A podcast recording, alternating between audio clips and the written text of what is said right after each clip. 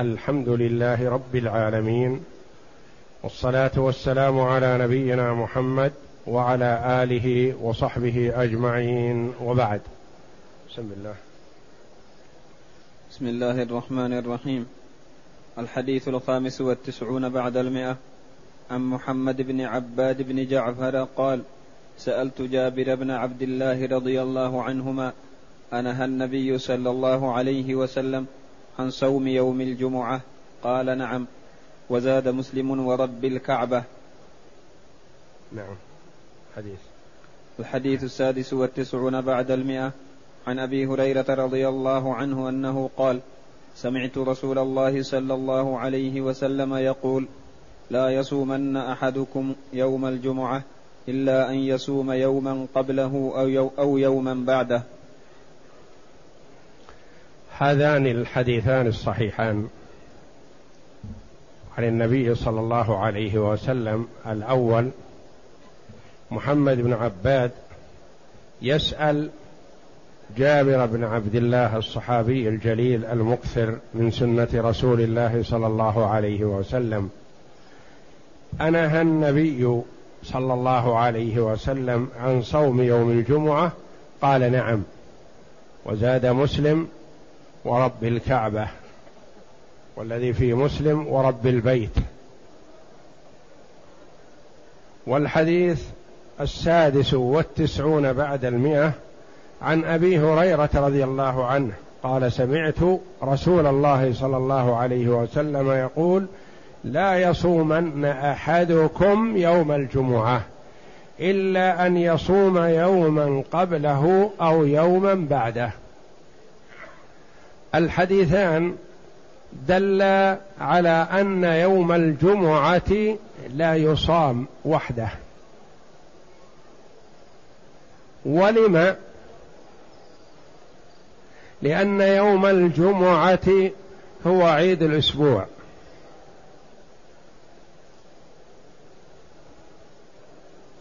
والعيد لا ينبغي أن يصام فيه. وإنما يؤدى فيه ما شرع في ذلك اليوم. ليتقوى المسلم على تأدية ما شرع له في هذا اليوم من التهيؤ للجمعة والتبكير إليها ولئلا يعظم الناس يوما لم يرد الشرع في تعظيمه.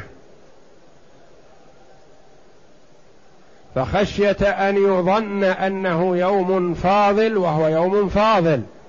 فيقول المرء أضيف إلى هذا الفضل فضلا آخر وهو الصيام. ثم يتدرج الأمر بالناس شيئا فشيئا حتى يظن العامة وجوب صومه. فنهى النبي صلى الله عليه وسلم عن ذلك سدا للذرائع حتى لا يزيد المسلمون فيما شرع الله لهم مما أوجب عليهم من الصيام. وإلا فصيامه ليس محرم. والنبي صلى الله عليه وسلم صامه ضمن الأيام التي يصومها. فإذا صامه المرء مع الخميس أو صامه المرء مع السبت انتفى تخصيصه وحده والمحذور في تخصيص هذا اليوم. فكونه لا يصام وحده هذا منهي عنه. وكونه يصام مع ما قبله أو يصام مع ما بعده دل على أن هذا النهي ها أن هذا النهي في تخصيصه إنما هو نهي كراهة ونهي تنزيه لا نهي تحريم. إذ لو كان النهي للتحريم ما صح أن يصام وحده ولا أن يصام مع قبله ولا أن يصام مع ما بعده. كما هو الحال بالنسبة ليومي العيدين عيدي السنة. الفطر والإضحى. هذان لا يجوز أن يصاما لا مع ما قبلهما ولا مع ما بعدهما. صيامهما حرام ولا ينعقد كما سيأتينا الآن إن شاء الله. فدل هذان الحديثان على أنه يكره تخصيص يوم الجمعة بالصيام إلا في حالتين صام يوما قبله أو صام يوما بعده. هذه حالة. الحالة الثانية أن يكون صوما معتادا. كمن يصوم مثلا يوما ويفطر يوما فسيأتيه صيام يوم الجمعة وحده. سيكون يوم الخميس مفطر ويصوم الجمعة ثم يفطر السبت. ولا نهي في هذا لورود الشرع بصيام بفضيلة صيام يوم وفطر يوم. ومن خصصه بالصيام فلا يخلو. إن خصصه لأنه يوم الجمعة وتحرى هذا اليوم بالذات فهذا مكروه وليس محرم. وإن صامه قضاء لرمضان لأنه يوم يكون متفرغ من العمل ولا يشق عليه الصيام فلا بأس. أو صامه لأنه صادف يوم عرفة فلا بأس. أو صامه لأنه صادف يوم عاشوراء فلا بأس. إنما النهي عن تخصيصه وحده. وقلنا النهي عن تخصيصه وحده لورود الجواز في صومه مع ما قبله أو مع ما بعده. اقرأ.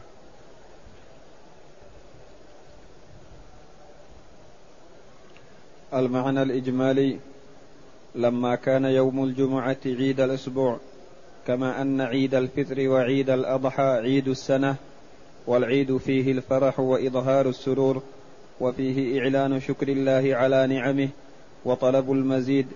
كان الأولى في هذا اليوم. المرء يشكر الله جل وعلا دائما وأبدا على نعمه وعلى تعاقب الأيام وأنه بلغه هذا اليوم ثم بلغه إياه من الأسبوع القادم ثم الذي يليه وهكذا كلما تبلغ هذا اليوم يشكر الله جل وعلا على أن مد في عمره فأدرك هذه الأيام وكلما طال عمر الإنسان مع حسن العمل فهو خير له.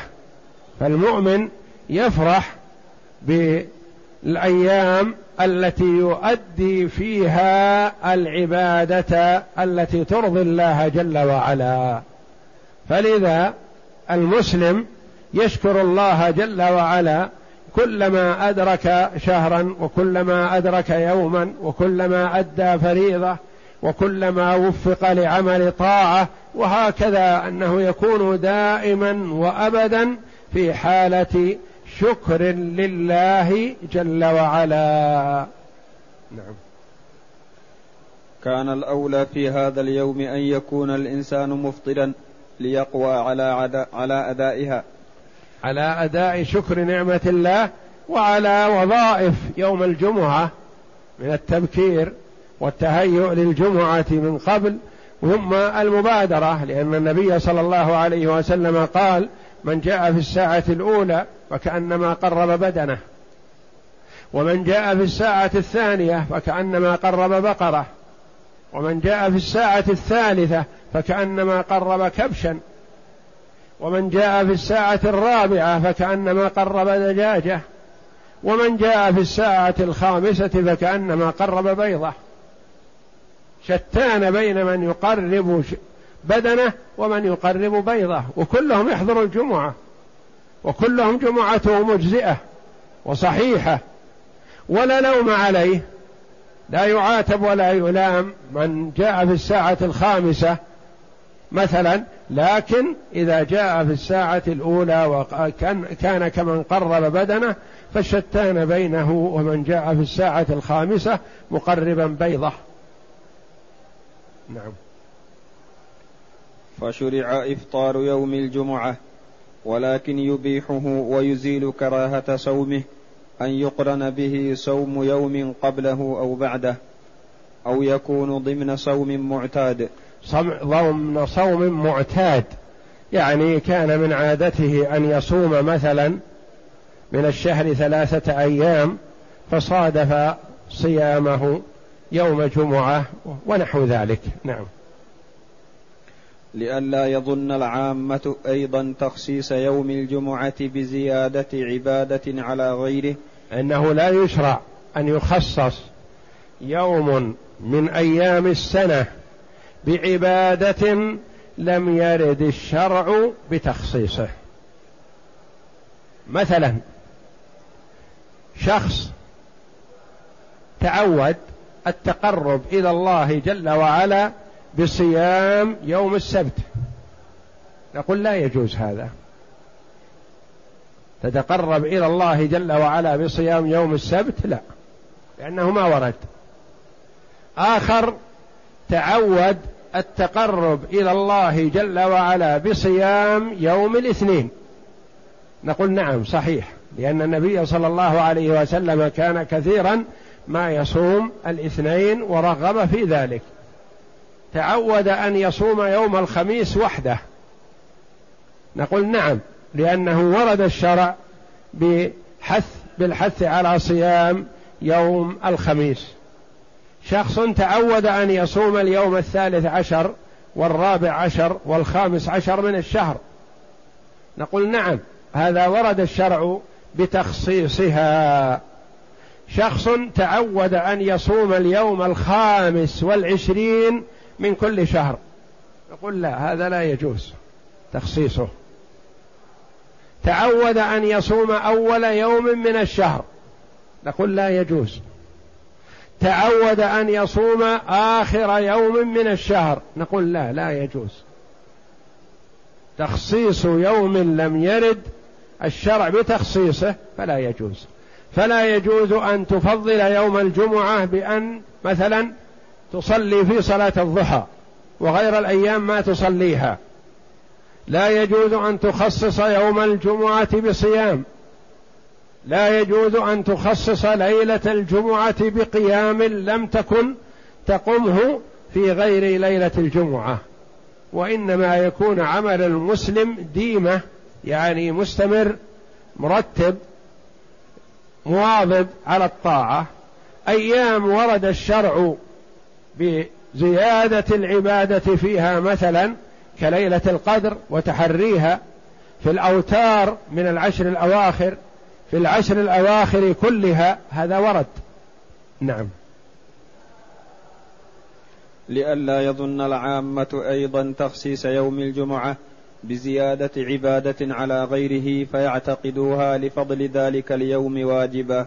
خشية أن تفرض أن تعتقد واجبة. ولهذا ورد أنه لا ينبغي للإمام أن يواظب على قراءة سورة السجدة يوم الجمعة وإنما يقرأها أحيانا ويتركها أحيانا خشية أن يظن العامة أن فجر يوم الجمعة فيه زيادة سجدة.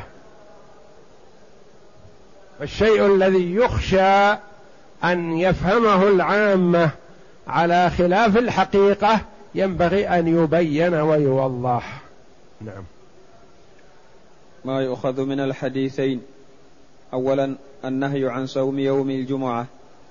وهذا النهي كما عرفنا نهي تنزيه أو نهي كراهة. نعم. لأن فيه نهي تحريم كما سيأتينا. النهي عن صيام يومي العيدين. نعم. ثانيا جواز صومه إذا قرن بصيام قبله أو بعده. أو كان في صوم معتاد.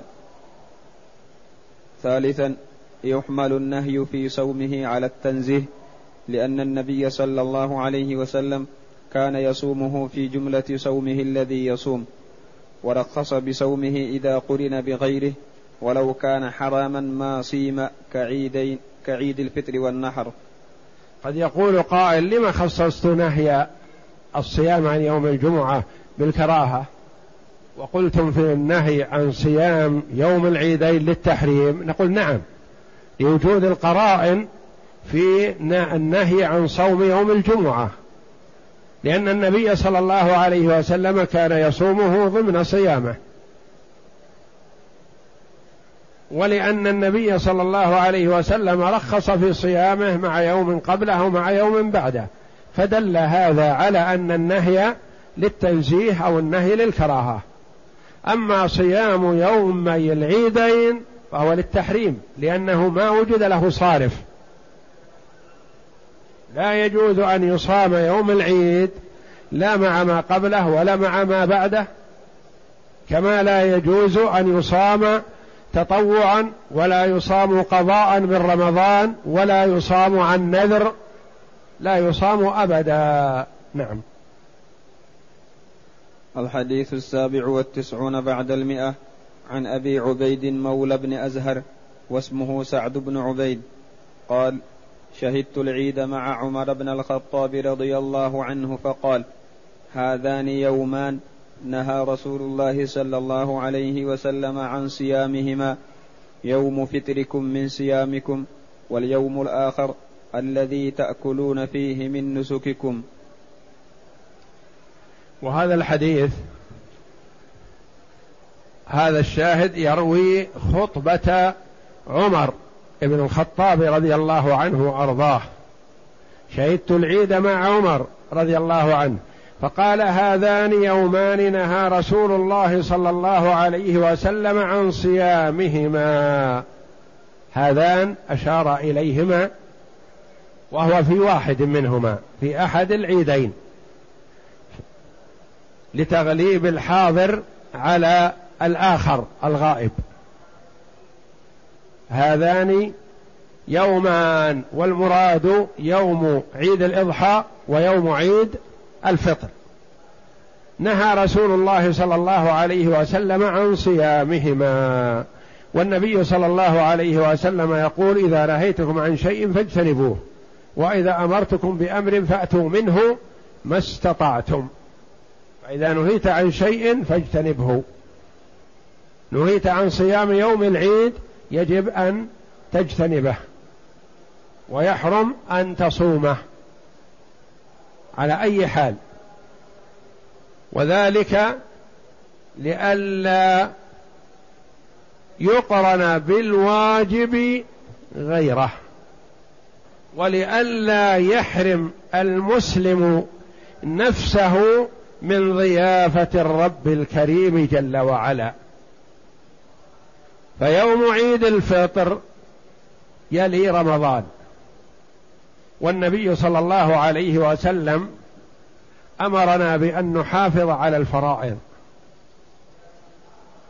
ولا نقرنها بشيء زائد. سواء كانت صلاه أو صيام أو غيره من المناسك فنأتي بما افترض علينا ولا نزيد فيه.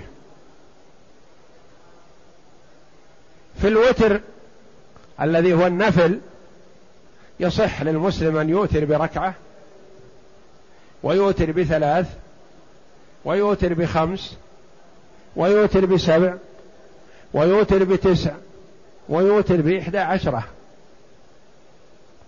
يسلم من كل ركعتين ثم يوتر بواحدة في الإحدى عشرة أو يسرد التسع والسبع والخمس جميع بسلام واحد. يصح. لكن في صلاة الفجر مثلا يحرم على المسلم أن يزيد فيها ركعة. ولو زاد فيها ما صحت. يحرم عليه أن يزيد ركعة في صلاة الظهر في صلاة العصر وهكذا. فكذلك صيام رمضان نهانا صلى الله عليه وسلم أن نتقدمه بشيء. وحرم علينا أن نتبعه بشيء مباشرة يوم العيد. والنبي صلى الله عليه وسلم قصد تعليم الأمة بالمحافظة على الفرض. وإلا لو كان الدين بالرأي كما يقول علي رضي الله عنه لكان أسفل الخف أولى بالمسح من أعلاه. لو كان الدين بالرأي كان لقائل أن يقول مثلا رمضان أيامه فاضلة ويوم العيد يوم فاضل فنصوم يوم العيد مع صيام رمضان ليكمل النقص الذي يحصل في رمضان. نقول لا. يوم رمضان محاط بسياج ما يزاد فيه ولا ينقص. لئلا نتبع أهل الكتاب لأن أهل الكتاب تلاعبوا في صيامهم وإلا فقد فرض عليهم كما فرض علينا. كما في قوله جل وعلا يا أيها الذين آمنوا كتب عليكم الصيام كما كتب على الذين من قبلكم. فهو مكتوب عليهم. ولكنهم هم تلاعبوا فيه. كان أياما معدودة عليهم فزادوا فيها. في كل مناسبة يزيدون أياما.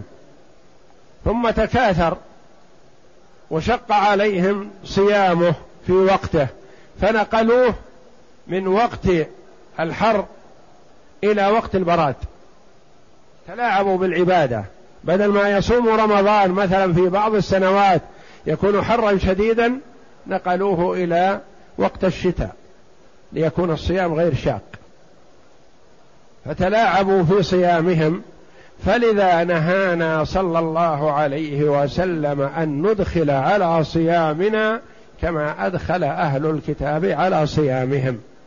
نهانا من الزيادة كما حرم على المسلم النقص في أن يفطر قبل تمام رمضان إلا من عذر.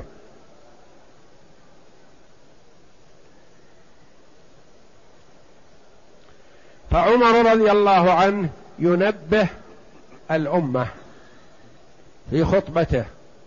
وهكذا ينبغي للإمام والخطيب أن ينبه على المناسبات حتى لا تمر على الناس وهم وفيهم من يجهل الحكم الشرعي.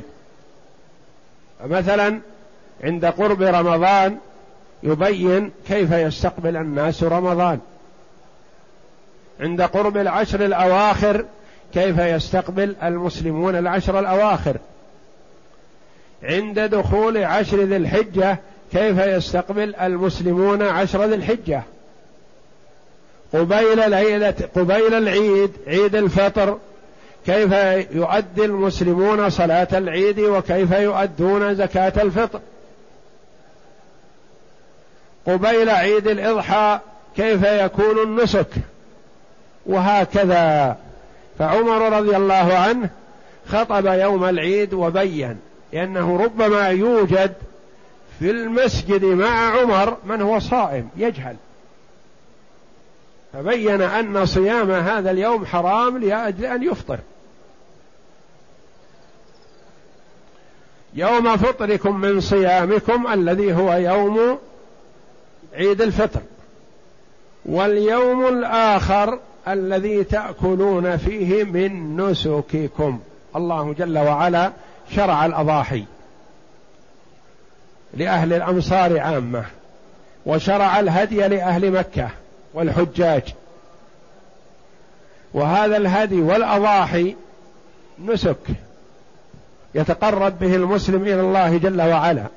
ولذا يشرع للمسلم في الأضحية أول ما يأكل يوم عيد الإضحى من أضحيته لأنها كمثابة الضيافة من الله جل وعلا. فيبادر المسلم بقبول ضيافة الله والأكل منها. هل يليق بالعاقل مثلا إذا جاء عند ضيف عند مضيف عزيز عليه ثم هذا المضيف قدم لضيفه طعاما وهيأه وحسنه ثم يقول الضيف أنا صائم. لم تأتي إلي وأنت صائم؟ جئت إلي لأقوم بضيافتك. فمن الأدب أن لا يأتي الضيف إلى مضيفه وهو صائم. إلا إذا كان ذلك معلوما والضيافة تكون وقت الإفطار. فكذلك المسلم بضيافة الله جل وعلا يوم عيد الإضحى سواء كان في مكة وفي المناسك فالهدي أو في الأمصار في الأضاحي. فيشرع له أن يأكل من أضحيته فلذا حرم عليه الصيام في هذا اليوم. اقرأ. المعنى الإجمالي عيد الفطر وعيد النحر هما العيدان الإسلاميان اللذان جعلهما الشارع الحكيم الكريم يومي فرح وسرور وبهجة وحبور يأتي فيهما المسلمون أنواع المتع المباحة من الأكل والشراب واللباس والزينة وغيرها. وقد حرم صومهما لأن الفطر هو تحليل, الصيام كالسلام للصلاة. الفطر هو تحليل الصيام يعني علامة انتهاء الصيام. مثل السلام في الصلاة. فالمرء يسلم في الصلاة إشعار بأنه انتهى. المرء يفطر يوم العيد إشعارا بأن رمضان انتهى وهو يأكل ويشرب. أطاع الله جل وعلا في الصيام وأطاعه جل وعلا في الفطر. وهكذا المسلم فهو في طاعة الله. إن أمر بالأكل أكل إن نهي عن الأكل امتنع. فهو في جميع أحواله في طاعة. ولا ثالث لهما في الأعياد عيدان فقط عند للمسلمين. وما سواهما فلا يجوز اتخاذه عيدا. نعم. ولأن الأضحى يوم الأكل من الضحايا والهدايا. التي أمر الله تعالى بالأكل منهما. فالخلق في هذين اليومين أضياف الله فليقبلوا ضيافته وليفطروا فيهما. ما يؤخذ من الحديث أولا تحريم صوم يومي الفطر والأضحى. انتبه تحريم. هنا قال كراهة النهي. وهنا تحريم لأن النهي ما صرفه صارف. نعم. ثانيا أن الصوم فيهما لا ينعقد فلا لو صام المرء فلا ينعقد صيامه هو مفطر حكما وإن امتنع عن الأكل والشرب فصيامه أصلا لا ينعقد. نعم. فلا يصح سواء كان لقضاء أو نفل أو نذر. لا يصح مطلقا سواء كان لقضاء رمضان. شخص عليه من رمضان مثلا أيام وصام يوم عيد الفطر لقضاء رمضان. أو صام يوم النحر لقضاء عليه من رمضان. أو نفل تطوع صام الست من شوال وبدأ بيوم العيد ما ينعقد. أو نذر المسلم نذر أن يصوم مثلا يوم الاثنين. فصادف أن يوم الاثنين هو يوم العيد فيحرم صيامه ولا يصومه. نعم. ثالثا حكمة النهي عن صومهما. ما أشار إليه في الحديث من أن عيد الفطر هو اليوم الذي انتهى بدخوله شهر رمضان فلتميز ولتعرف حدود الصوم الواجب بالفطر. كما نهى عن صيام يوم أو يومين قبله تمييزا له عن غيره. يعني حفاظا له عن غيره من قبله ومن بعده. إلا رجلا كان يصوم صوما فليصومه بالنسبة لما قبله لأن النهي ليس للتحريم وإنما للكراهة لأن من كان معتادا صيام أيام معينة مثلا كيوم الاثنين أو يوم الخميس فصادف أن يوم الاثنين هو اليوم الأخير من شعبان وقبل رمضان أو صادف يوم الخميس هو اليوم الأخير من شعبان وبعده رمضان مثلا فلا حرج في الصيام حينئذ لقوله صلى الله عليه وسلم إلا رجلا كان يصوم صوما فليصمه أو كان من عادته أن يصوم يوما ويفطر يوما وأفطر في اليوم التاسع من عشرين التاسع والعشرين من شعبان وصام يوم الثلاثين من شعبان فلا بأس. نعم. وأما الأضحى فلأنه يوم النسك الذي أمر بالأكل منه فليبادر إلى امتثال أمره بالتناول من طيبات رزقه فليس من الأدب واللياقة الإعراض عن ضيافة الكريم. رابعا أنه يستحب للخطيب أن يذكر في خطبته ما يتعلق بوقته من الأحكام ويتحرى المناسبات. نعم. الحديث الثامن والتسعون بعد المئة عن أبي سعيد الخدري رضي الله عنه قال نهى رسول الله صلى الله عليه وسلم عن صوم يومين النحر والفطر وعن اشتمال الصماء أخرجه مسلم بتمامه وأخرج البخاري الصوم فقط.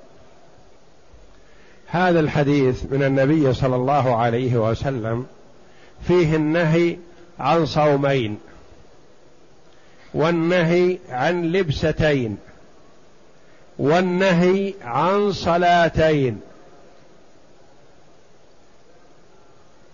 النهي عن صومين وعن لبستين وعن صلاتين. وورد فيه في حديث آخر النهي عن بيعتين. مجانسة وليكون أسهل للمسلم حفظها. نهى عن صوم يومي يومين. هما يوم النحر ويوم الفطر. كما تقدم والنهي للتحريم. وعن اشتمال الصماء وأن يحتبي الرجل في الثوب الواحد عن لبستين اشتمال الصماء وعن الاحتباء بثوب واحد.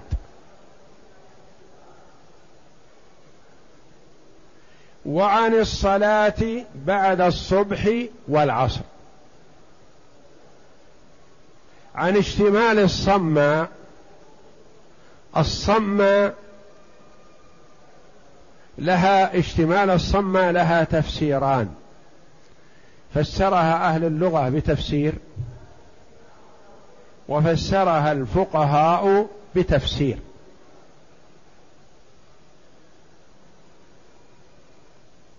اشتمال الصم قال أهل اللغة. هو أن يخلل جسده بالثوب لا يرفع منه جانبا ولا يبقي ما يخرج ما يخرج منه يده. قال ابن قتيبة سميت صما لأنه يسد المنافذ كلها فتصير كالصخرة الصماء التي ليس فيها خرق. هذا تعريف الفقهاء لاشتمال الصماء يعني يتلفلف في ثوب واحد يضمه عليه ولا يستطيع أن يخرج يدا ولا يرفع يدا عن يد. يعني يصير المسلم بهذا اللباس كأنه صخرة ما له منفذ. هذا تفسير أهل اللغة للصماء وقال الفقهاء هو أن يلتحف بالثوب ثم يرفعه من أحد جانبيه فيضعه على منكبيه. فيصير فرجه باديا. يعني يضع الرداء على عاتقيه. ثم يرفع أسفل الرداء من أسفل ويضعه على عاتقه. تخرج عورته من تحت. وكانوا في الجاهلية ما يبالون بخروج وبروز العورة.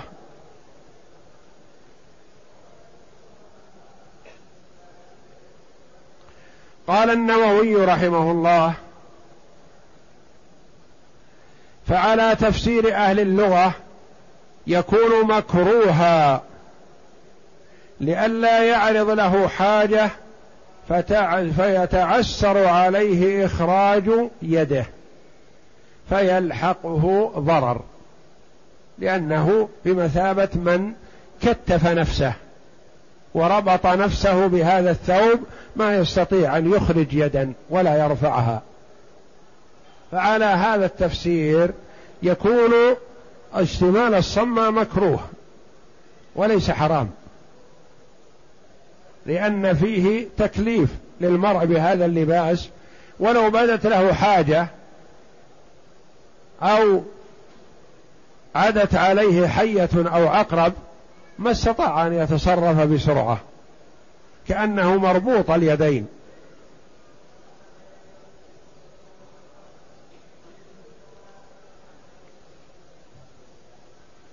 يقول النووي رحمه الله وعلى تفسير الفقهاء يحرم لأجل انكشاف العورة. ذكر هذا في فتح الباري. ذكره ابن حجر رحمه الله. فاشتمال الصم لها تفسيران تفسير لأهل اللغة وهو أن يتلفلف بثوب واحد ويضبطه ويكلمه بالكلاليب ونحوها. هذا منهي عنه نهي كراهة. النوع الثاني التفسير الثاني تفسير الفقهاء هو أن يرفع أسفل الرداء من أسفل ويجعله على عاتقه. فتنكشف عورته من تحت. فها يكون النهي حينئذ نهي تحريم. وأن يحتبي الرجل في الثوب الواحد. يحتبي. الاحتباء هو أن يجلس على إليتيه. يجعل إليتيه على الأرض. وينصب ساقيه وفخذيه. ثم يربط ساقيه وفخذيه إلى ظهره. بثوب ليس عليه غيره. أما إذا كان عليه غيره فلا بأس بذلك. إذا أو أو كان احتباؤه بغير الثوب الذي استتر به فلا بأس بذلك لأنه قد يحتبي المرء لطول جلوسه فيربط ساقيه مثلا إلى ظهره بشيء يلم ظهره ويتكئ عليه بظهره فيكون فيه راحة له في جلوسه فلا حرج عليه في هذا. إنما إذا كان هذا يترتب عليه بروز العورة. يعني يربط ما عليه الا ثوب واحد يربط به فخذيه إلى ساقيه إلى ظهره. وهو جالس فتكون عورته مكشوفة من أعلى. يعني ليس عليه إلا هذا الثوب.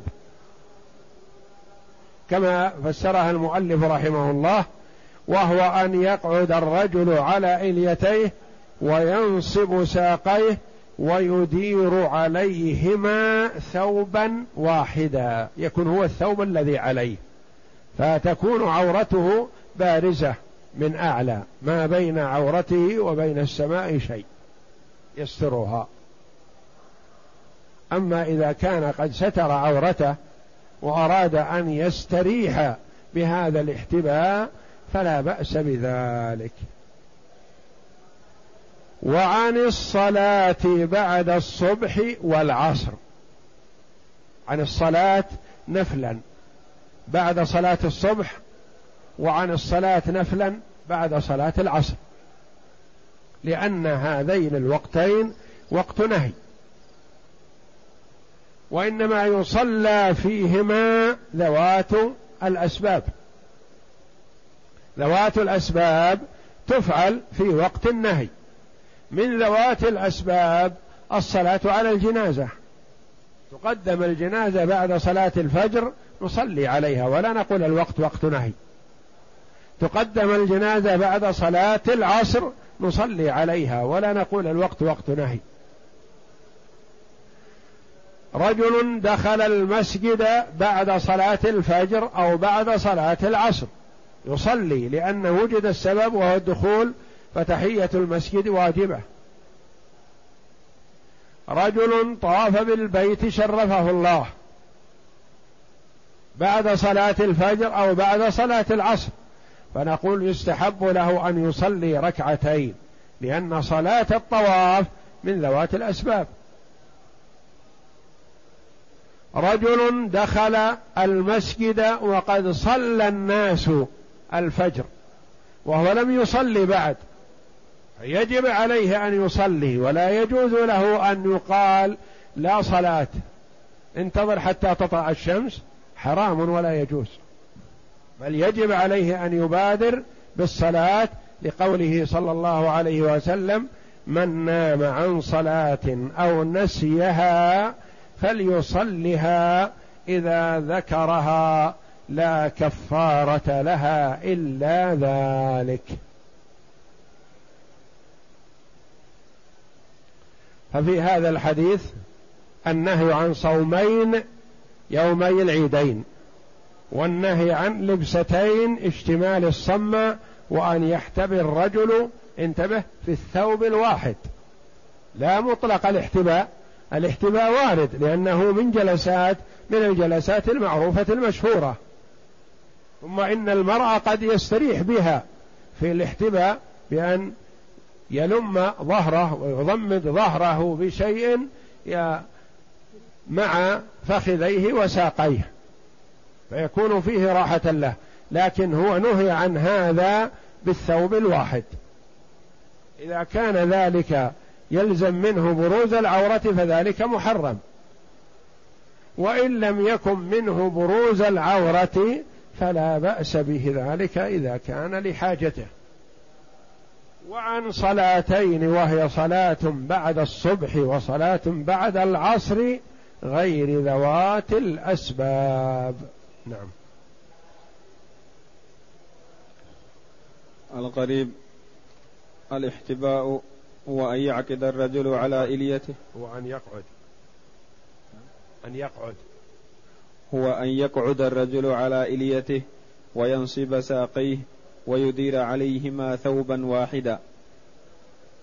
الصماء هو أن يرد الرجل الكساء من قبل ميمنته على يده اليسرى وعاتقه الأيسر وعاتقه الأيسر ثم يرده ثانية من خلفه على يده اليمنى وعاتقه الأيمن فيغطيهما جميعا بثوب ليس له منافذ. المعنى الإجمالي نهى النبي صلى الله عليه وسلم في هذا الحديث عن صيام يومين وعن لبستين وعن صلاتين. فأما اليومان المحرم صومهما فيوم الفطر ويوم النحر وتقدم شيء من حكمة تحريم الصيام فيهما. وأما اللبستان فاشتمال الثوب الأصم الذي ليس له منافذ فإن لبسه يضر بالصحة لعدم المنافذ المهوية فيه. ولأنه عنوان الكسل والبطالة فلبسه يشل الحركة والعمل المطلوبين. وأما الاحتباء بثوب واحد فلأنه يخشى معه انكشاف العورة وأما الصلاتان فالصلاة بعد صلاة الصبح والصلاة بعد صلاة العصر. فإن الوقتين اللذين بعدهما وقتا, عبادة المشركين وقد تقدم الكلام عليهما. في النهي عن الصلاة بعد العصر وبعد الفجر. وذكر هناك أنه يستثنى من هذا ذوات الأسباب. نعم. ما يؤخذ من الحديث أولا النهي عن هذه الأشياء المعدودة في الحديث. ثانيا النهي عن صيام العيدين وعن الصلاة بعد الصبح والعصر من باب التحريم. والنهي عن اللبستين للكراهة ما لم يغلب على الظن انكشاف العورة فيحرم. ثالثا مراعاة الشارع مصالح العباد في كل شيء. حتى في اللبس. حتى في اللبس وحتى في الأكل والشرب وفي جميع أحوال العبد فالشارع بين له كل ما ينفعه. فالنبي صلى الله عليه وسلم ما ترك شيئا إلا وبينه لنا خيره وشره عليه الصلاة والسلام. علمه من علمه وجهله من جهله. فقد قال أحد الصحابة رضي الله عنه علمنا نبينا كل شيء. قال نعم لقد علمكم نبيكم كل شيء حتى الخرعة. قال نعم حتى الخرعة. حتى كيف يدخل الإنسان لقضاء الحاجة. وكيف يجلس في حال قضاء الحاجة. أنه ينصب اليمنى ويبسط اليسرى على الأرض. فيتكئ على اليسرى وينصب اليمنى. لأنه أيسر لخروج الخارج وأسهل. ويذكر الله جل وعلا عند دخوله قبل الدخول ويذكر الله جل وعلا بعد خروجه ويقدم رجله اليسرى عند الدخول ويقدم رجله اليمنى عند الخروج. نعم. نعم الحديث التاسع. الحديث التاسع والتسعون بعد المئة. عن أبي سعيد الخدري رضي الله عنه قال قال رسول الله صلى الله عليه وسلم من صام يوما في سبيل الله بعد وجهه عن النار سبعين خريفا. هذا حث من النبي صلى الله عليه وسلم للمسلم إذا لم يشق عليه الصيام في حال السفر وفي حال الجهاد وقتال الكفار أن يجمع بين الحسنيين بين أفضل عملين عمل بدني محض وهو الصيام وعمل بدني مالي وهو الجهاد.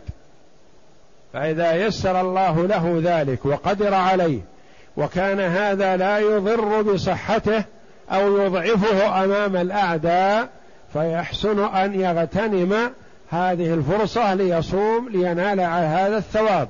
من صام يوما في سبيل الله.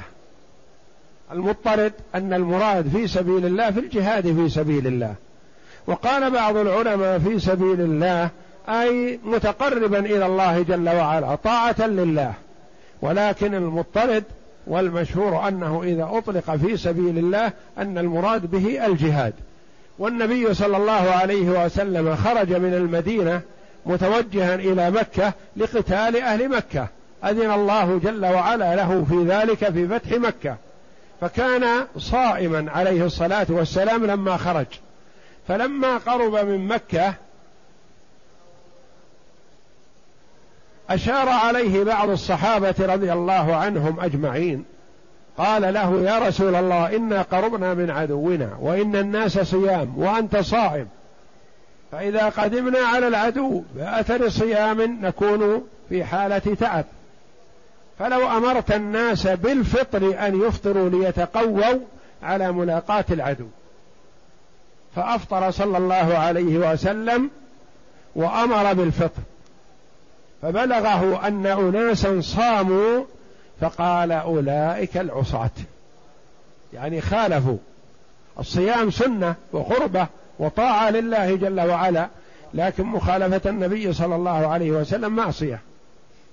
فينبغي للمسلم أن يتقرب إلى الله جل وعلا في الطاعة ويبتعد عن المعصية. فإذا خشي المسلم من أن يكون الصيام فيه إضعاف لنشاطه وقوة أمام الأعداء فعليه أن يفطر استحبابا. وأما إذا كان لا يضر به هذا فالصوم فضله عظيم. لأن لأنه ورد في الحديث أن أفضل الصيام صيام داود. عليه الصلاة والسلام كان يصوم يوما ويفطر يوما وكان لا يفر إذا لاقى. مع كونه يصوم يوما ويفطر يوما لا يفر إذا لاقى يعني يكون ثابت وقوي عنده قوة في ملاقاة الأعداء عليه الصلاة والسلام. فهذا الحديث حث على جمع المسلم بين فضيلتين.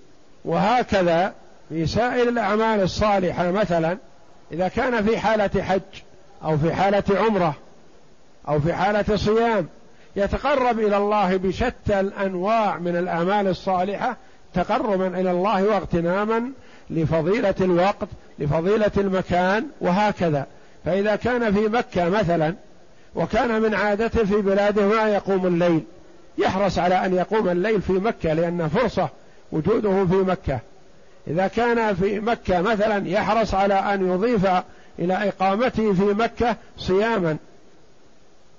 إذا كان في مكة مثلا يحرص على أن يضيف على إقامته في مكة وطوافه بالبيت مثلا الإكثار من قراءة القرآن الإكثار من ذكر الله وهكذا يغتنم المسلم الطاعات الواردة المشروعة في كل وقت وحين. فمثلا هو في حال جهاد وقتال للأعداء يضيف إلى هذا أفضل الأعمال الجهاد مع الصيام. إذا قرنهما معا نال الفضيلتين. نعم. المعنى الإجمالي الصيام من العبادات البدنية الشاقة والجهاد من العبادات المالية والبدنية الصعبة. فمن قوي عليهما جميعا فقام بهما في آن واحد فهذا من الذين تركوا راحة الحياة والتلذذ بنعيمها رغبة فيما عند الله يعني تعالى. زهدوا في متع الحياة الدنيا والمسلم يزهد في متع الحياة الدنيا لكن لا يحرمها. ما يجوز للمسلم أن يحرم الحلال لكن إذا تركه تقربا لله جل وعلا فذلك خير. مثلا الأكل والشرب مباح له. صام وامتنع عن الأكل والشرب تقربا إلى الله جل وعلا ذلك خير. نوم الليل مباح له. ينام من صلاة العشاء إلى أن يقوم لصلاة الفجر. لا يتخلف عن صلاة الفجر لكن ما بينهما ينام. مباح له ذلك. فإذا زهد في النوم وزهد في فراشه والراحة تلك الساعة وقام يناجي ربه فذلك فضل عظيم. وهكذا المسلم إذا زهد في المباح تقربا إلى الله جل وعلا فالله يثيبه. أما أن يحرم المباح فهذا لا يجوز حرام عليه ولا يجوز. قل من حرم زينة الله التي أخرج لعباده والطيبات من الرزق والذين الثلاثة النفر الذين حرموا على أنفسهم واحد حرم على نفسه الفطر نهارا والآخر حرم على نفسه النوم ليلا والثالث حرم على نفسه نكاح النساء. عاتبهم النبي صلى الله عليه وسلم ونهاهم عن ذلك. فالمرء لا يحرم على نفسه ما أباح الله له لكن يتقرب إلى الله جل وعلا بالزهد في المباح هذا حسن.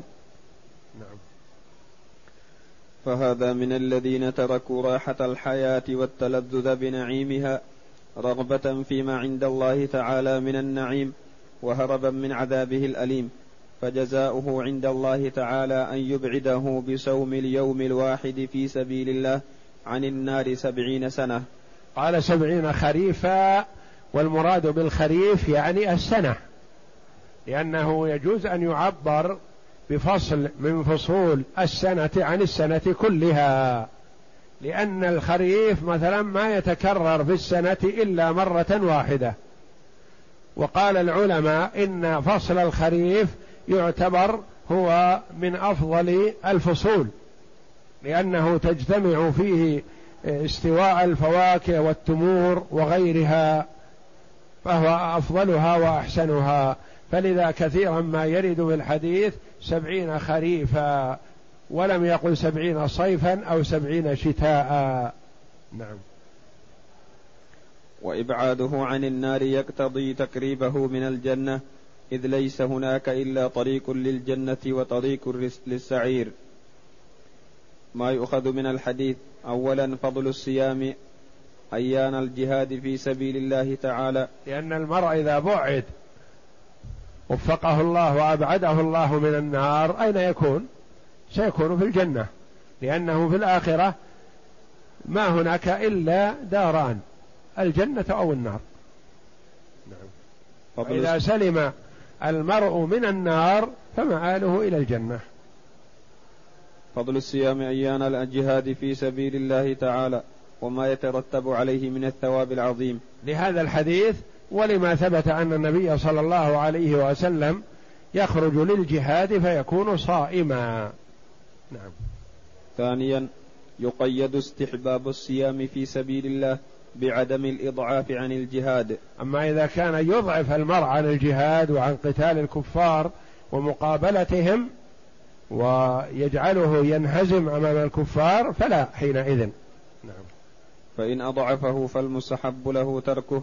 لأن الجهاد من المصالح العامة والصوم مصلحة مقصورة على الصائم كلما اجتهد المسلم في شيء مصلحته عامة أفضل وأولى من أن يقتصر على شيء مصلحته خاصة. مثلا المسلم يقول بإمكاني مثلا أصوم كثير لكن إذا صمت لازم ألزم البيت أنام أو أجلس ما أتمكن من الخروج.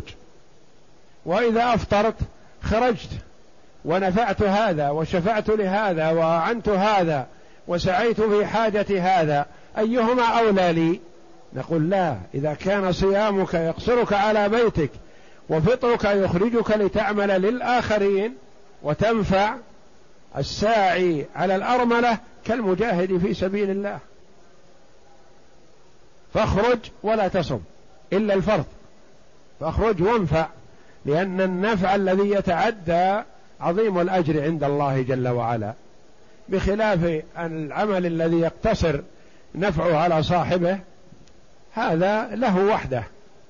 فهو إذا صام صيامه له لا ينتفع به غيره. وإذا خرج مثلا وعمل وتصدق وأعان وشفع و أعان في سائر الأبواب مثلا هذا خير له. نعم. وكلما عمت مصلحة العبادة كانت أولى. والله أعلم وصلى الله وسلم وبارك على عبده ورسول نبينا محمد وعلى آله وصحبه أجمعين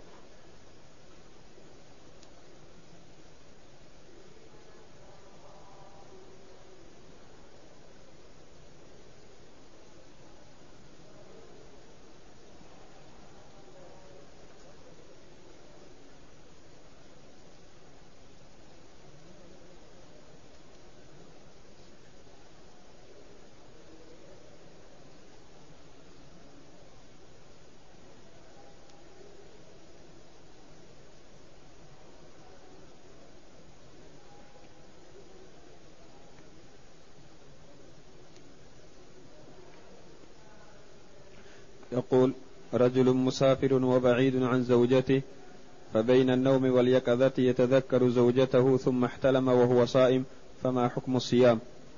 إذا احتلم وهو صائم فصيامه صحيح ولا يضيره الاحتلام وإنما عليه المبادرة بالاغتسال يغتسل وصومه صحيح.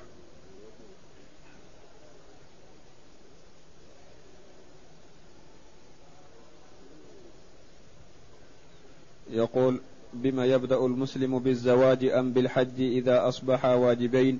وهل على من لم يملك شيئا حج إذا كان موجودا في مكة؟ نعم.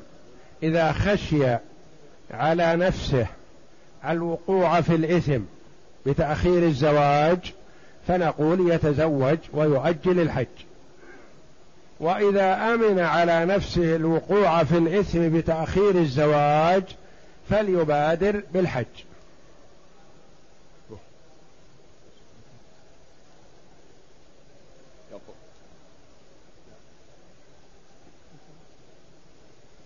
يقول من لم يملك شيئا هل يلزم من لم يملك شيئا حج إذا كان موجودا في مكة؟ يقول هل يجب عليه الحج وهو فقير في مكة؟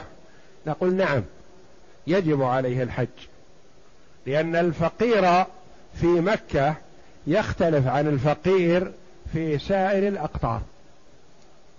الفقير في مكة بإمكانه أن يحج إذا من الله عليه بالصحة والقوة والعافية يحج بلا مال. يخرج من مكة إلى منى يمشي. ويخرج من منى إلى عرفة يمشي. ويخرج من عرفة إلى مزدلفة يمشي. ما يحتاج إلى نفقة إلا نفقته العادية أكله وشربه فقط. فيختلف الحال.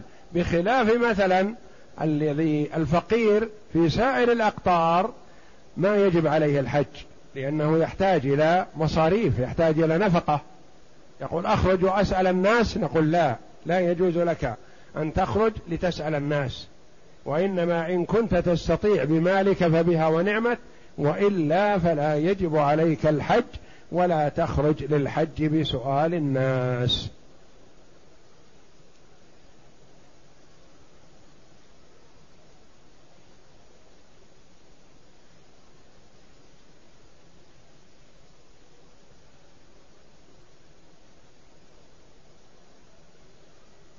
يقول قد أديت بفضل الله وتوفيقه ثم بفضلكم فقد أديت ولله الحمد صلاة تطوع وأنا أقود سيارتي وذلك لأول, لأول مرة في حياتي فهل يجب خلع الحذاء قبل الصلاة؟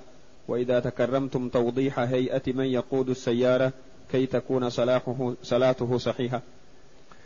أولا المصلي سواء كان في أي مكان كان ما يشرع له خلع حذاءه.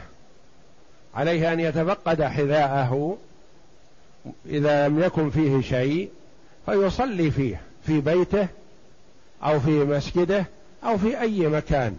إلا إذا كان المسجد مفروش مثلا كحال كثير من المساجد والدخول في الحذاء يلوثها ويسيء إليها وإلى المصلين فلا.